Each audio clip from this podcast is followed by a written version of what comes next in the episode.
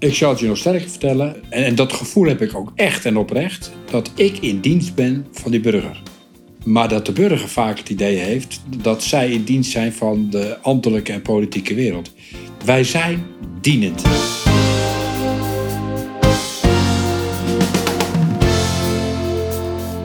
Welkom bij het Schaap met de Vijf Poten podcast. In deze podcast ga ik in gesprek met inspirerende personen die als alleskunner een bijdrage leveren een leefbare en veilige buurt, wijk, stad. Hierbij kan worden gedacht aan aanpak van jongerenoverlast, aanpak van drugscriminaliteit en handel daarin en probleem achter de voordeur aanpak. Dit doe ik door het delen van tips, handigheidjes, interviews en bespreken van praktijksituaties. Ik ben Gerald Denijn, de host van deze podcast en verbinder in de samenwerking binnen het sociaal domein, leefbaarheids- en veiligheidsdomein. Ik wens je veel luisterplezier.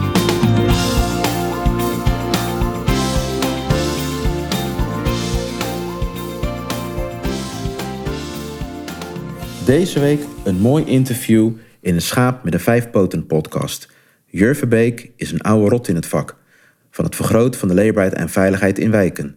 Hij heeft zijn sporen verdiend als oud-politieman, oud-stadsmarinier en oud-ketenmarinier overlastgevende asielzoekers. En ondanks zijn pensioengerechtigde leeftijd rust hij niet op zijn lauweren. Aan de orde komen hoe je problemen in een wijk aanpakt, zoals problemen rondom jeugd, geweld, georganiseerde criminaliteit en overlast. Samen met inwoners, ondernemers en partners bewerkstellig je dat. Zoals Jur in het interview zegt, je bent de dirigent van een symfonieorkest. Veel plezier met het beluisteren van dit inspirerende interview met Jur Verbeek. Welkom in de podcast Het Schaap met de Vijf Poten. Dankjewel Jur dat ik hier mag zijn aan de, even kijken of ik het goed zeg, Industrieweg 82J. Ja, klopt, Rode precies. Top. Ehm, bij de veranderwerkplaats. En voordat we gaan starten, wil ik eigenlijk meteen eigenlijk met iets, iets beginnen. En dat is, als ik de kranten opensla, als ik het nieuws bekijk, als ik mensen spreek op straat, op werk, waar dan ook, hoor ik eigenlijk telkens weer hetzelfde terugkomen. Geweld onder jongeren neemt toe. Overlast neemt toe. Ik wil niet meer in mijn buurt wonen, want er komen zoveel mensen met een andere soort cultu- culturele achtergrond. Kijk uit, mijn dochter wordt verkracht.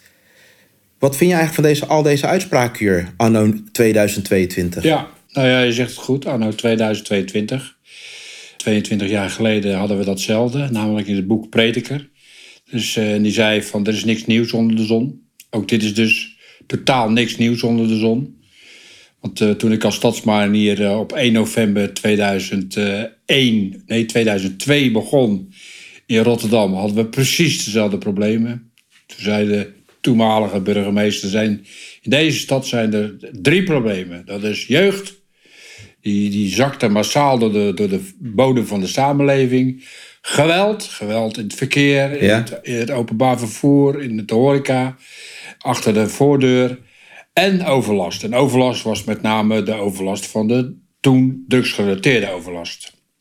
En natuurlijk jongeren op straat. Dus als ze dat nu roepen, ik vind het best, maar het is niet nieuw. Het is niet nieuw. En voordat we verder gaan eh, met het interview, hoe zou je eigenlijk omschrijven voor de luisteraars die jou niet kennen? Ik ben een inmiddels ervaren, ik zal maar zeggen, hoofdinspecteur van politie. Dat ben ik 27 jaar geweest.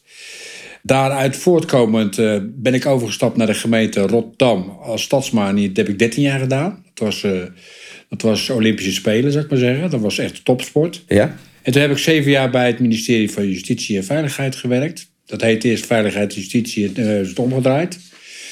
Kostte 6 miljoen, maar dan heb je ook wat.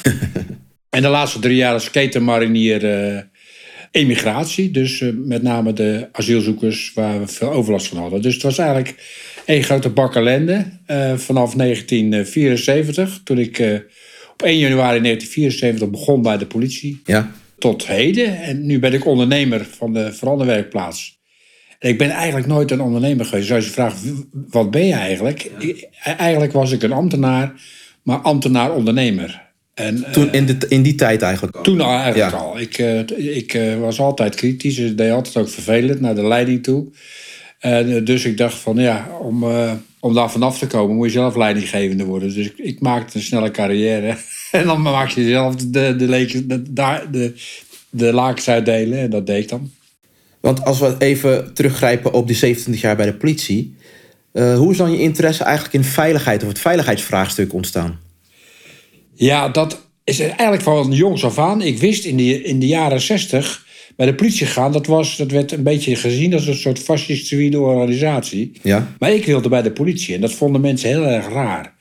Maar ik had toch het gevoel van. Ik zei, ik zal nooit vergeten, flauwekul natuurlijk, maar ik zei tegen de, tegen de psycholoog die me keurde bij de politie van, ik zie het als een soort roeping. Nou, dat, is, dat gaat veel te ver. Maar ik vond wel dat ik, eh, dat ik mensen moest beschermen tegen mensen die kwaad wilden. Dus ik was erg wel van, eh, ja, eh, het, het bestrijden van het kwaad in het algemeen. En dat is eigenlijk wel zo gebleven. Je zegt, het is zo gebleven, mensen vonden het raar. En wat vonden mensen dan precies raar eigenlijk dat je zo graag bij de politie wilde? Nou, dat was in de jaren uh, 60, 70 was dat helemaal niet in om bij de politie te gaan. Er was natuurlijk ook, ook een tekort aan, uh, aan politie, terwijl de problemen ook huizenhoog waren. Je moet niet vergeten, ze hebben het nu over terrorisme, alsof dat nieuw is. Nou, ik zou je vertellen, ik zat een jaar op de politieschool, toen ging ik naar de school voor de ME. En toen moest ik gelijk naar Schiphol toe, want uh, we hadden toen de, de, uh, de treinkaping in Wijster. Dat Ja. was al in 75, maar goed. Uh, toen hadden we uh, de El Al-toestellen die moesten worden beveiligd, omdat de Palestijnen uh, die, die vliegtuigen wilden opblazen. Je had de, Lufthansa die moest worden beschermd, omdat je de Rode Armee-fractie had. En had je nog meer van dat soort dingen. En dat was gewoon pure terrorisme. En eigenlijk zoals ik het nu hoor, en, en corrigeer me als het niet zo is. In die tijd als politieman was het ook al topsport. Want je noemde net het woord topsport toen je als stadsmarinier werkte, maar eigenlijk was als politieman ook al. Ja, ja, ik vond alleen dat het toen veel beter georganiseerd was.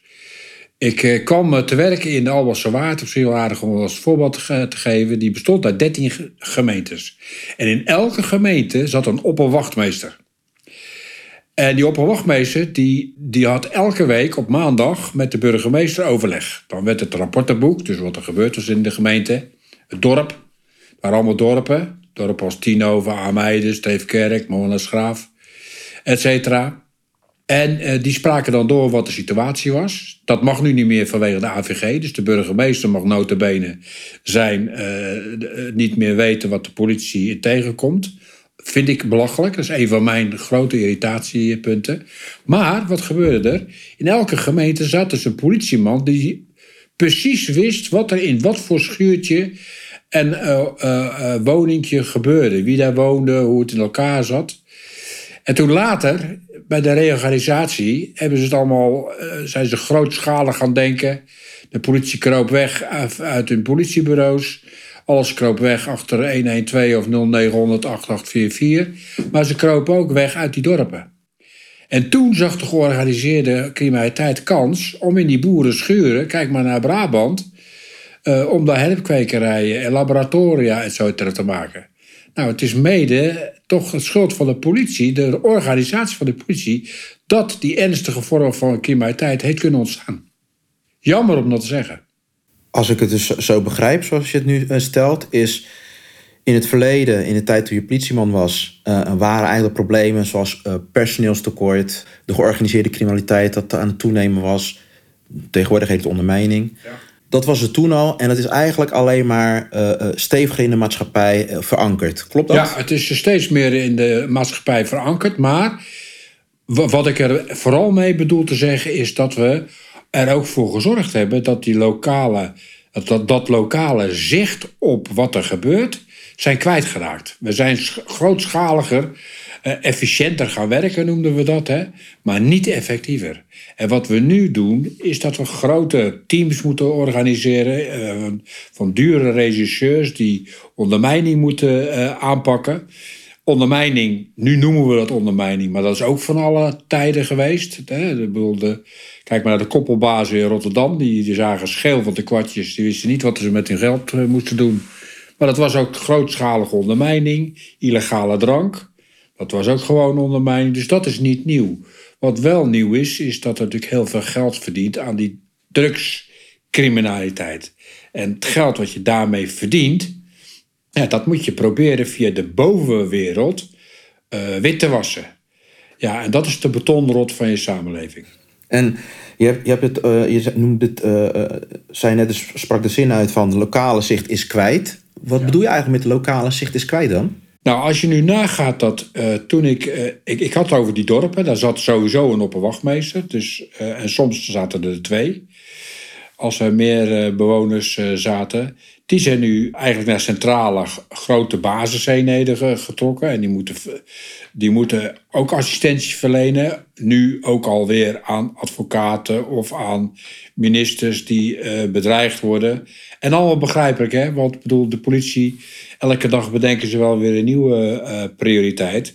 Maar daarmee, uh, als je het de lokale veiligheidssituatie vergeet, zal dat alleen maar erger worden. En dat is wat ik zie. En als we een, een stap voorwaarts maken naar jouw moment of jouw, jouw eh, job als stadsmarinier. Wat kan je daarover uh, aan de luisteraar meegeven? En welk moment, tweede vraag, is bepalend geweest in jouw uh, rol als stadsmarinier ten aanzien van het leefbare en veiliger maken van de omgeving? Ja, nou, dat is, dat is echt dat is een mooie vraag die je stelt. En dan, dan vertel ik je gelijk een beetje hoe dat toen ging. Bram Peper is net overleden. Echt, echt heel jammer. Maar ik was erbij toen Spangen in de fik stond. En waarom stond Spangen in de fik? Omdat ze daar drugsoverlast hadden. In de vorm van prostitutie, handel en uh, gebruik. Uh, dat kwam toen Perron 0 werd gesloten. Perron werd gesloten en het was zoiets als blazen in een asbak. Maar ze kwamen in Spangen terecht.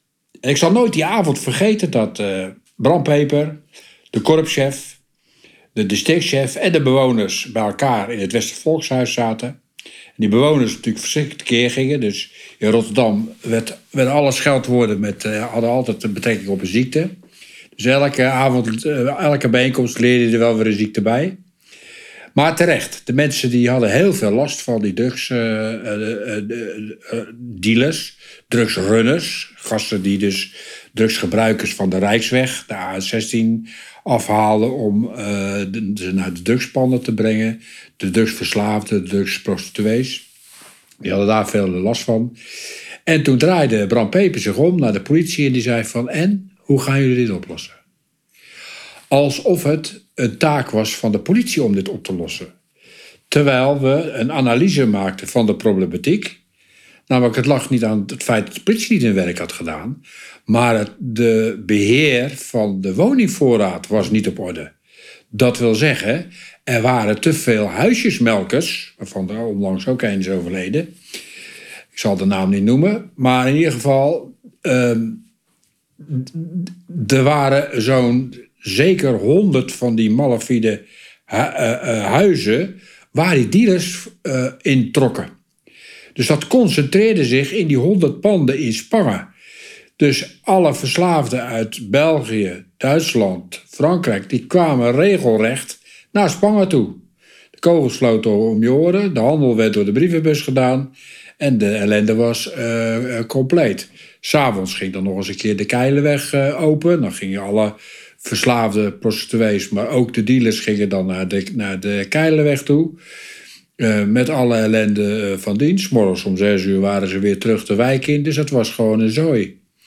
Kortom, eigenlijk, als je het voorbeeld van Spangen zo schetst, was het niet zozeer een probleem aan zich van de politie alleen. Aan het eind van de rit kwam natuurlijk alle ellende naar voren en dan was het een repressieve uh, actie van de politie dus.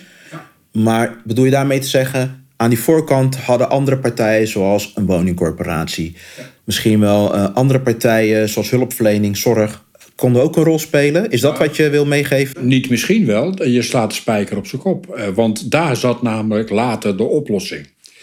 En wat zij opstelde nou, die, die kwam na, na Bram Peper. Die zei van nou, ik zie dus drie problemen. Jeugdgeweld en overlast. En vooral die overlast. Vergis je niet, die overlast was ook de oorzaak dat 55 jaar rood Rotterdam ineens omkeerde in leefbaar Rotterdam. Dat waren diezelfde kiezers. Pim Fortuyn die kwam de, in de gemeenteraad. Rotterdam zat in eind jaren negentig uh, niet, in, het goede, niet in, de, in de goede groef. Dat ging daar gewoon uh, niet, niet goed. En nou ja, het was niet het repressieve probleem, maar het, het kwam dus door die woningvoorraad. Dus de ingrepen die in Spanje gedaan moesten worden, was dus gewoon slopen, nieuw bouwen en het opkopen van die malafide panden. En dat is toen ook gebeurd. En dat, wat, dat werd uiteindelijk de oplossing van het probleem. En wat was jouw rol eigenlijk in het geheel? Want als jij het zo stelt, denk ik, dat is best wel een grote rol. Maar kun je het nader omschrijven wat Ja. precies jouw rol was? Ja, stadsmanier. eh, mensen die denken dan dat je dan de baas bent. Je bent helemaal de baas niet. Maar vergelijk het een beetje met een dirigent van een eh, symfonieorkest. Bedoel, iedereen heeft zijn eigen vaardigheden en, kundes om een muziekinstrument te spelen. Alleen je hebt er iemand nodig die op tijd zegt van nou gaan we beginnen en dan gaan we eindigen. En met een stokje aangeeft in welk tempo dat dan moet gebeuren. Dat is denk ik de beste vergelijking. Want ik weet nog wel dat we in Spang op tafel zaten. Dat was de woningcorporatie, de politie, de eh, hulp, drugshulpverlening, eh, mensen van eh, huisvesting. En dan zeiden we, jongens, wat kunnen wij hier nu allemaal doen? Eh, Betere verlichting aanleggen, lantaarnpalen. Ik bedoel, we hebben zoveel lantaarnpalen neergezet dat als je op de maan gaat staan en je kijkt naar de aarde, dan zie je Spang liggen, bij wijze van spreken. Er werden, moesten huizen worden gesloopt. Dan vroeg je aan de dienst stedenbouw van... wanneer gaan jullie dat huizenblok slopen? Nou, dan keken ze grote boeken, zeiden ze nou over een jaar of zeven. En dan zei je als stadsmanier van, wat denk je over een half jaar? Nou, dus dat werd nog wel wat geslikt. Dus je, je moest wel het tempo opvoeren. Je moest quick wins organiseren.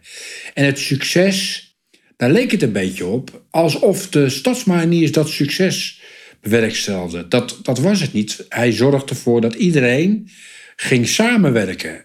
En samenwerken is geen vanzelfsprekendheid. Je moet dat aanjagen. Je moet mensen motiveren. Je moet ze eh, bereid maken. En af en toe ook dwingen als ze afspraken niet nakomen die je hebt gemaakt. En dat was eigenlijk de, de, de functie. En als iets echt vastliep, dan zei je tegen partijen, de, de, de leiding van die partij, van nou, dan gaan we volgende week dinsdag naar de stuurgroep. Dat was het overleg waar Opstelten eigenlijk het, het, het programma volgde om de problemen op te lossen. En dan moest je me uitleggen waarom hij niet meedeed aan de afspraken die we hadden gemaakt. Maar dat kwam zelden voor. We lossen dat daar wel op. Dus het succes van Rotterdam en van Spangen is echt niet alleen van de, van de stadsmanier. Integendeel, het was de politie, de woningcorporaties, de drugshulpverlening. Die ging samenwerken met de politie, wat voor die tijd onmogelijk leek. Is toch gebeurd. Dat was uiteindelijk de oplossing van het probleem. En wij waren meer een katalysator om te zorgen dat die krachten op elkaar werden gebundeld. Dus als ik het goed begrijp, de stadsmanier is eigenlijk het wondermiddel in een, in een machine wat is vastgelopen. Ja, het, inderdaad. Ze, ze noemden ons ook wel eens het oliemannetje. Uh, dus het oliemannetje in uh, daar waar piepend en knarsend het proces tot stilstand komt, moet je er wat olie uh, tussen doen. En af en toe moest je ook wel eens even met het breekijzer aan, aan, de slag. Maar het was, het, het, ik geloof meer in dat oliemannetje dan in het, in, in, in, in, in het gebruiken van macht in, van, om dingen voor elkaar te krijgen. En wat was eigenlijk je belangrijkste tegenslag als stadsmarinier?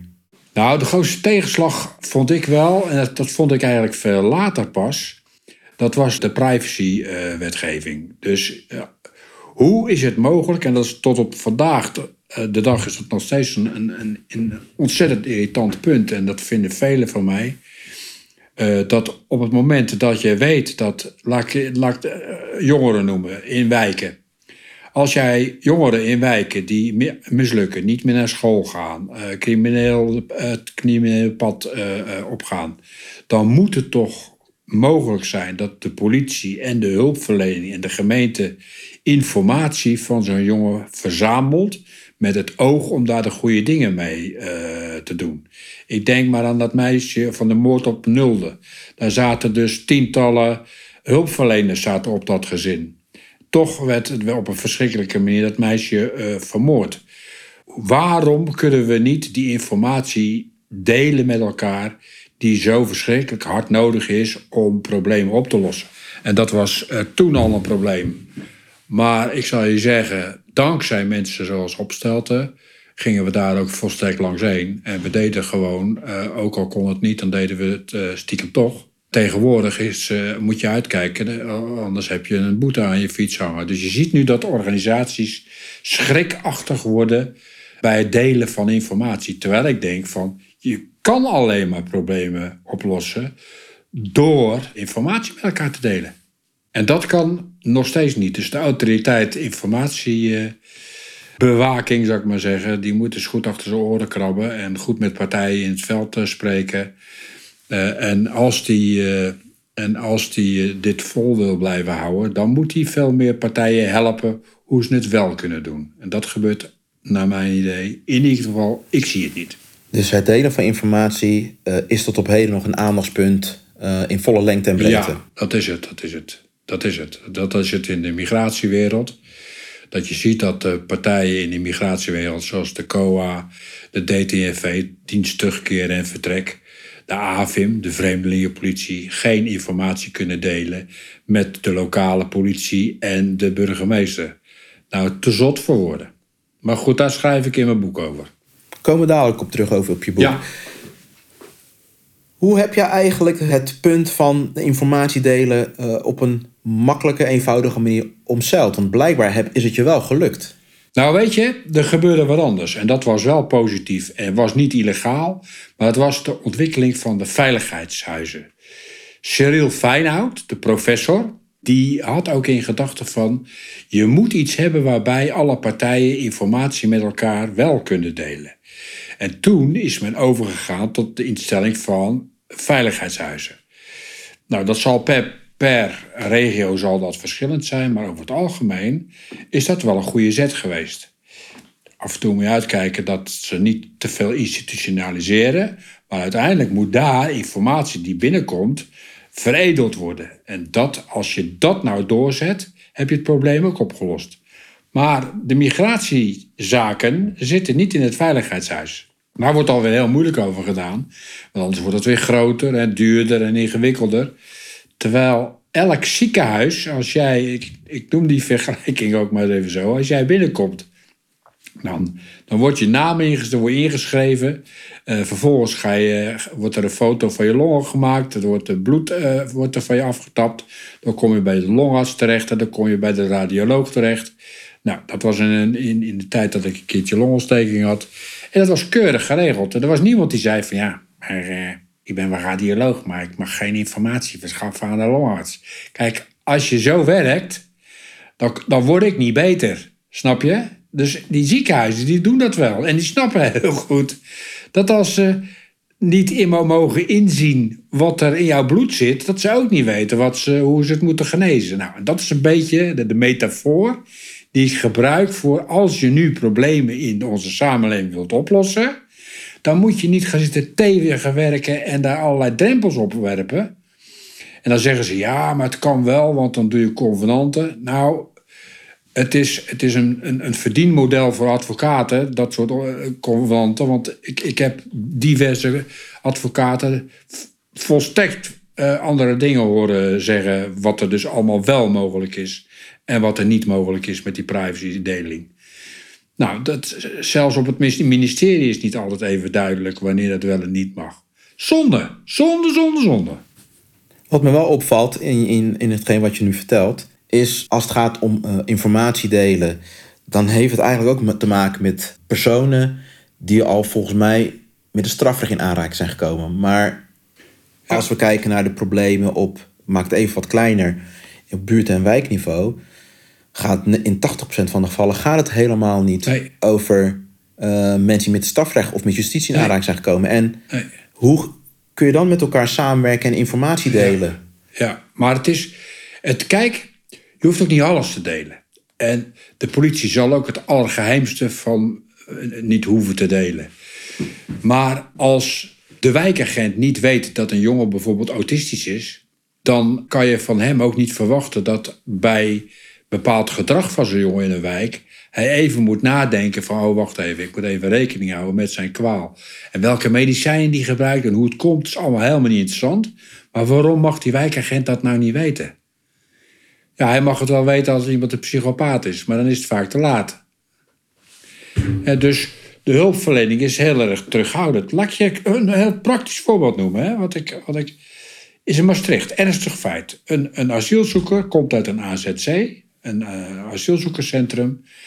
eh, in het zuiden van het land. Die wordt statushouder, dus die mag in Nederland wonen, heeft een huis. Uh, hij is op weg naar huis en onderweg, omdat hij schizofreen is, steekt hij een jongen van 18 dood. Moet je voorstellen.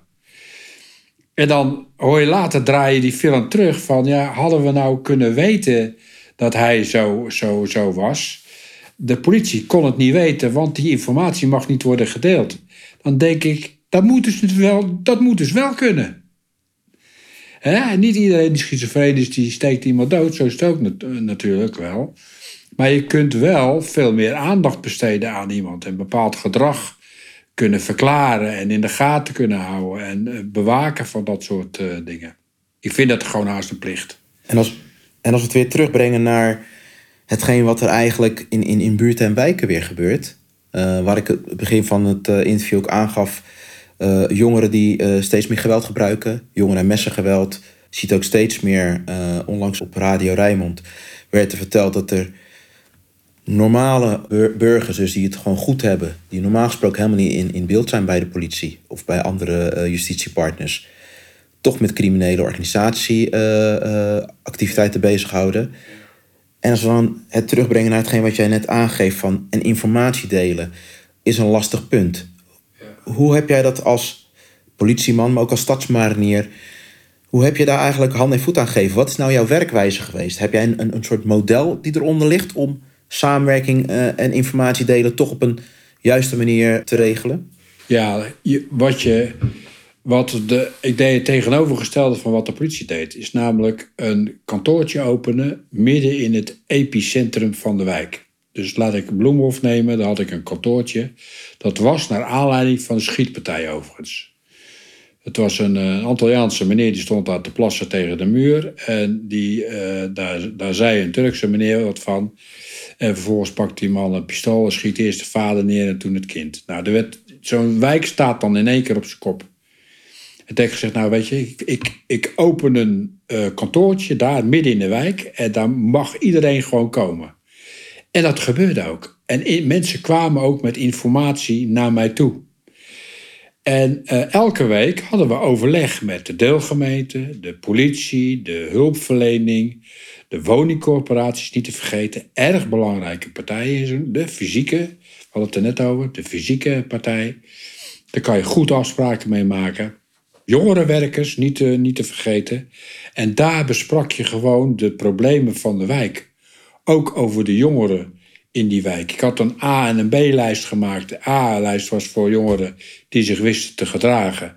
Die werden beloond. Die mochten dan naar een cursus, uh, workshop, muziek maken maar, uh, toe.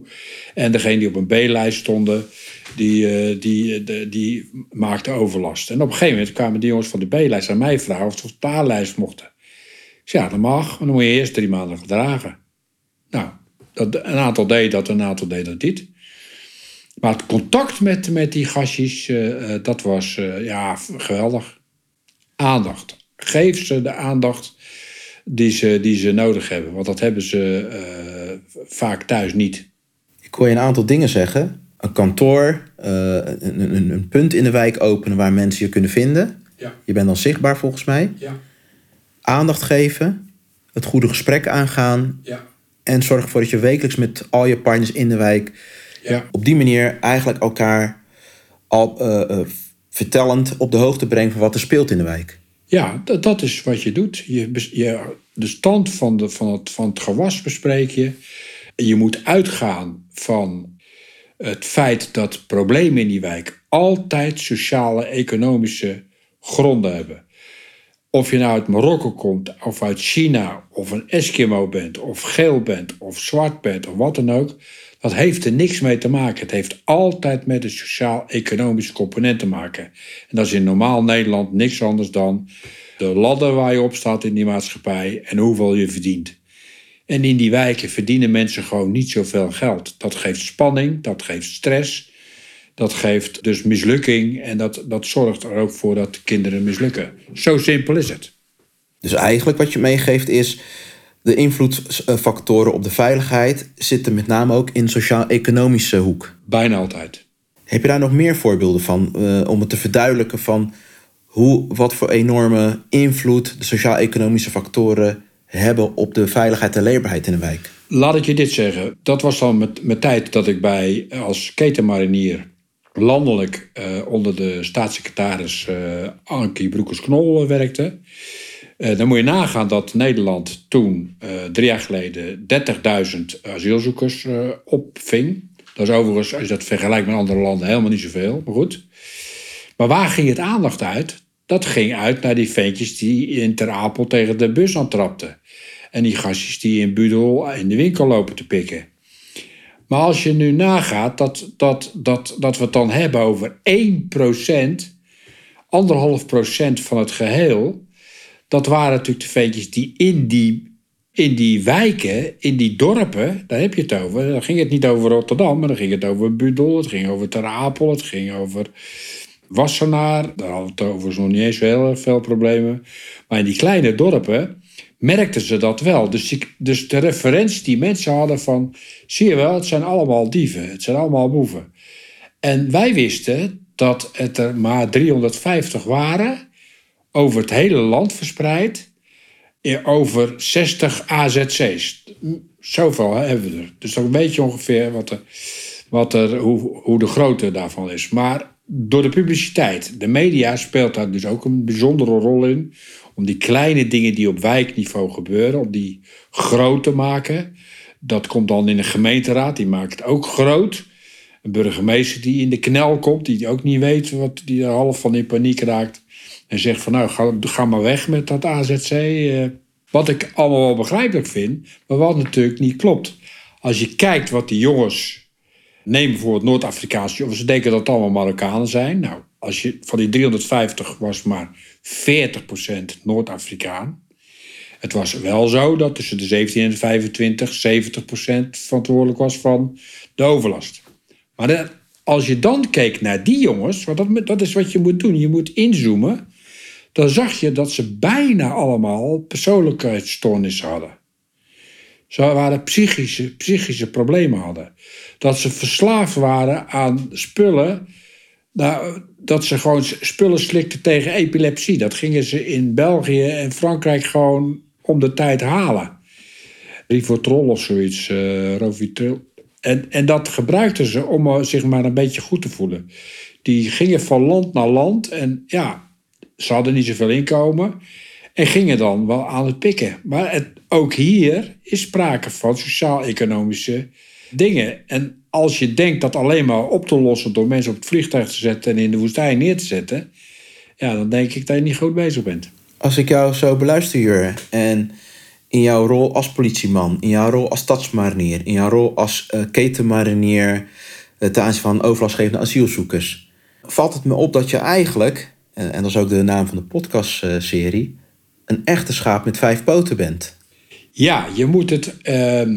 Als je, ik had heel lang had ik een, een, een afkorting voor de aanpak van veiligheid, het RISC-model. Dat zijn nog vier poten, maar je kan er nog wel één bij bedenken. Dat waren hoe, wat beïnvloedt nu de veiligheid? Dat zijn ruimtelijke factoren, dus de wijze waarop woningen eruit zien, hoe vies het is op straat, de verlichting op straat, ruimtelijke factoren, institutionele factoren, dus de wijze waarop partijen met elkaar samenwerken, het feit dat er bewonersorganisaties zijn die met de politie praten, dat er een wijkagent is.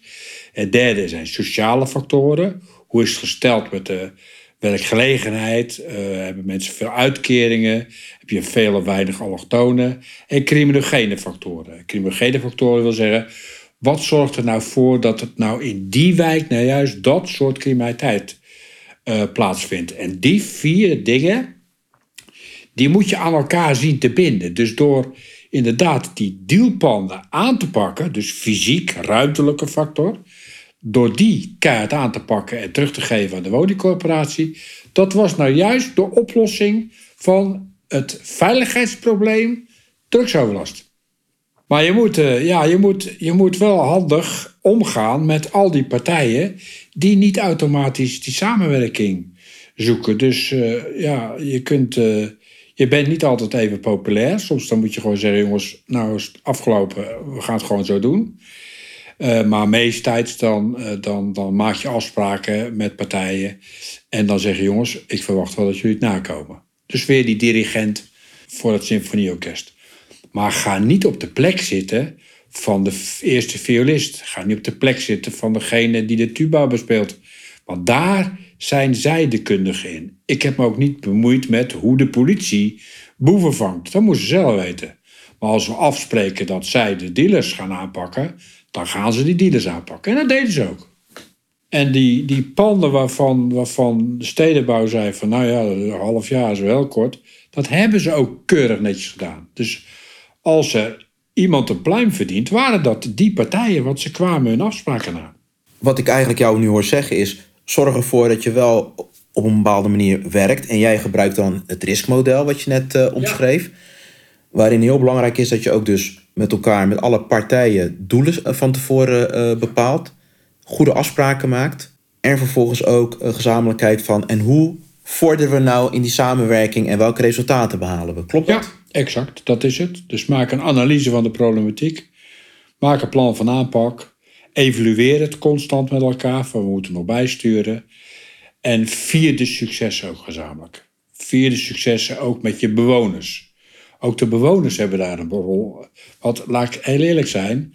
Het is niet de overheid geweest die in Spangen ervoor gezorgd heeft dat het veiliger werd.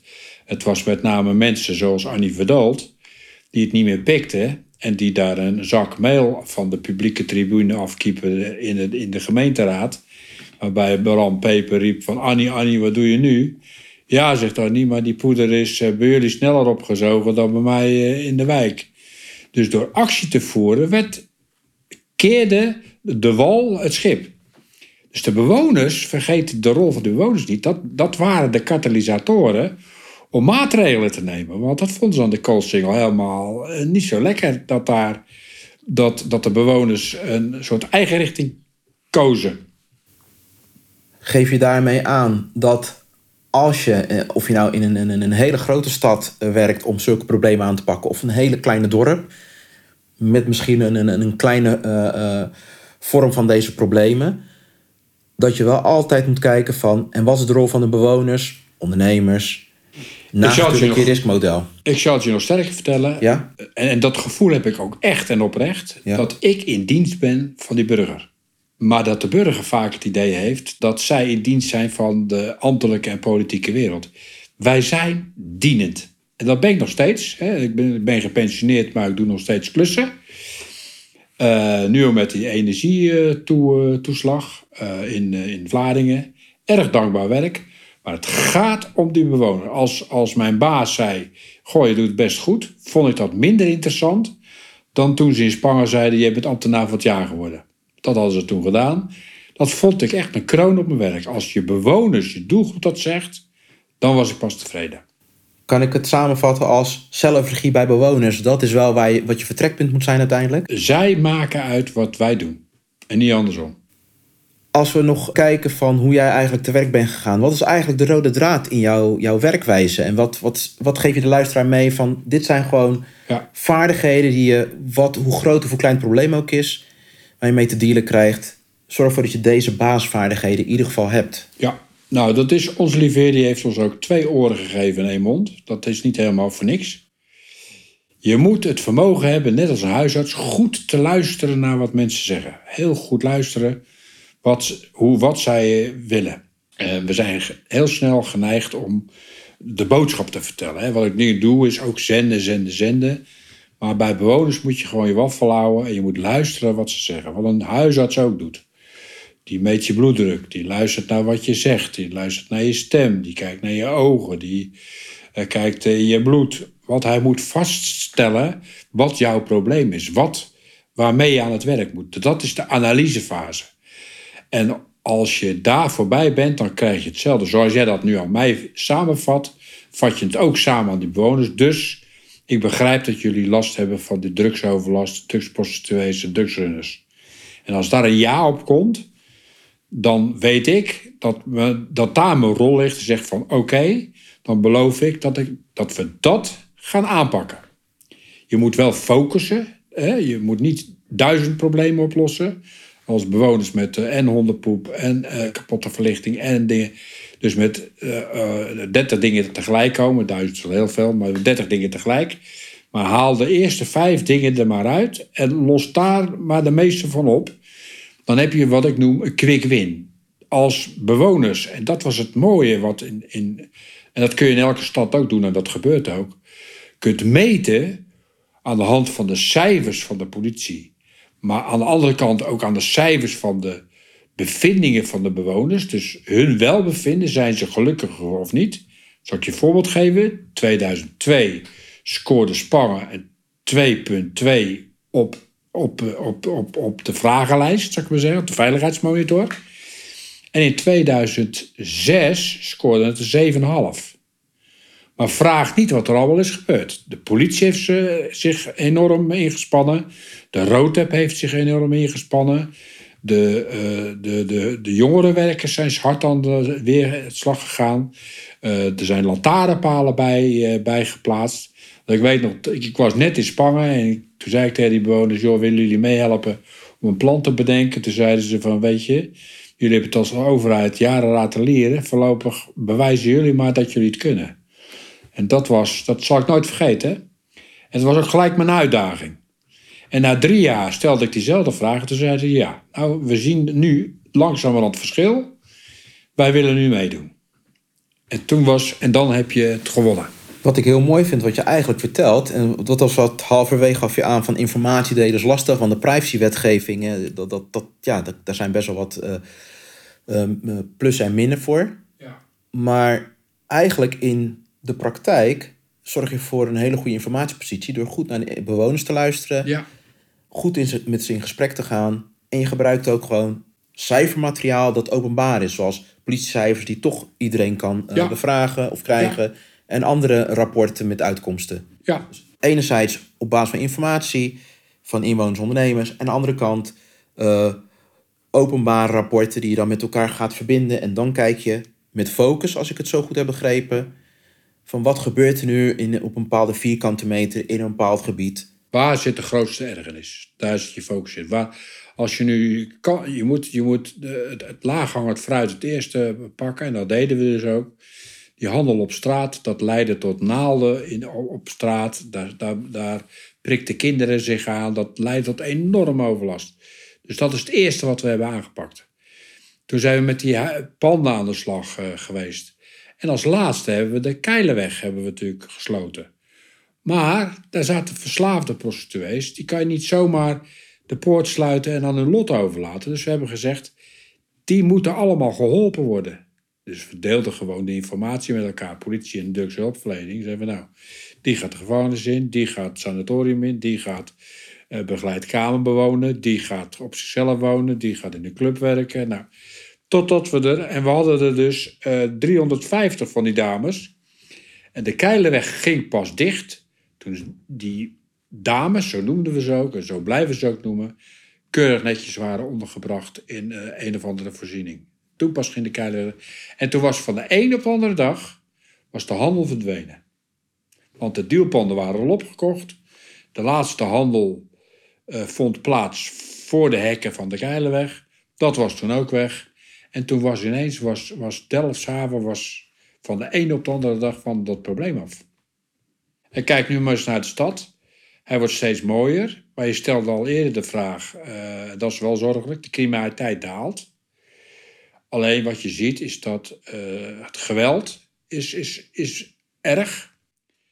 Kijk maar eens naar de YouTube-filmpjes, uh, kijk maar eens naar Facebook. Ik schrik soms van de mate van geweld. De leeftijd wordt, wordt jonger en de aard van het geweld. Dus iedereen heeft bijna een mes bij zich, of een, uh, een pistool is al geen uitzondering meer. Dat is een soort gewoon goed geworden. En als er één een mes een beetje het werking, zoals in, in Amerika als uh, één deel wapens heeft, dan gaat het andere deel ook wapens kopen. Omdat ze bang zijn dat ze last hebben van het andere deel. Die jongeren die hebben het dus ook niet makkelijk. Dus die gaan zich ook bewapenen. Op de meest gekke manieren. Nou, die, dat, daarvan is de prefrontale cortex niet ontwikkeld. Dus het goed nemen van besluiten is er niet. Dus het, uh, het, steken en, en schieten is, is ook dan zomaar gebeurd. Nou, als jongeren in een, uh, in een uh, jeugdgevangenis terechtkomen, ik weet niet of je weet wanneer dat gebeurt, dat is altijd in hele ernstige gevallen. Maar als iets een opleidingscentrum is voor criminelen, is dat wel een jeugdgevangenis. Dus heel terecht is daar nu het ministerie langzamerhand een afbouw aan het organiseren om dat op een andere manier te regelen. Mensen moeten er wel beter van worden, zeker jongeren. Best wel heftig als ik dit eigenlijk hoor. En, en zoals het wordt gezegd van de jeugd heeft de toekomst. Uh, in die zin hebben ze dat ook nog. Maar er zijn best wel wat uitdagingen als, dat, uh, als ik het zo mag horen. Die zijn er, die zullen altijd blijven. Je krijgt andere vormen van gevaar, zou ik maar zeggen. Met kleinkinderen ben ik nu al, vooral mijn kleindochters, aan het voorbereiden. Of uh, laat je niet verleiden door je borsten te laten fotograferen of uh, dat in een lolletje op uh, Instagram te zetten of op TikTok of weet ik veel hoe die netten heten. Want de ellende is niet te overzien. Ze gaan je bedreigen, ze gaan je chanteren, ze maken van alles. En dit is, dit is een groter probleem dan jij en ik samen denken. Ja, en zo ontstaat natuurlijk cybercriminaliteit. Dat had je 30 jaar geleden niet. Nee. Nou ja, ik ben zelf ook nu. Mijn creditcard is nu ook in Tbilisi gebruikt. Nou, ik geloof, ik geloof dat het in Georgië ligt. En wij zitten hier, hier in Berk en We zitten in Berk en ja. Dus ik ben nog nooit in Tbilisi geweest. is er nog iets in dit interview wat niet te sprake is gekomen? En wat je ook nog niet eerder naar buiten hebt gebracht en wat je toch in dit interview graag wil, wil onthullen? Ik zal je dit vertellen, dat alles wat ik nu vertel, dus die 27 jaar politie en die 13 jaar stadsmarinier en 7 jaar ministerie. Ik denk dat dat zo interessant uh, is dat ik dat maar heb opgeschreven en dat verschijnt in een boek. En dat boek wordt op 20 oktober aan Ivo Opstelt, die ook het voorwoord heeft geschreven, wordt dat uitgereikt. En uh, er zijn... Uh, meerdere mensen vanuit de politiewereld, vanuit de stadsmanierswereld en vanuit de ministeriële wereld voor uitgenodigd om dat bij te wonen. En dat is een hartstikke leuk boek. De eerste tien uh, bellers naar de podcast, of de, degene die reageren naar jouw podcast, die krijgen uh, gratis dat boek. En het is een leuk boek, want hij staat vol met anekdotes. Het is geen saaie, saai, saai boek. Want opstelten zei in het begin, ik wil wel het voorwoord schrijven, maar dan moet je gewoon leuke voorbeelden moet je, moet je erin zetten. De, de lokprostituee is daar een van. Nou, wil je het lezen, meld je aan, dan zul je zien wat dat nou is, een lokprostituee. Dankjewel, Jur. Ik zal ervoor zorgen dat uh, de eerste tien luisteraars die via een directe mail, DM, mij een eh, berichtje sturen, dat die dan een exemplaar kunnen vangen. Ja. Het zijn er tien. Het zijn er tien, zeker. Mooi, dankjewel. Mooie geste. En tot slot, waar kunnen mensen nog meer over je te weten komen? Ik heb een website.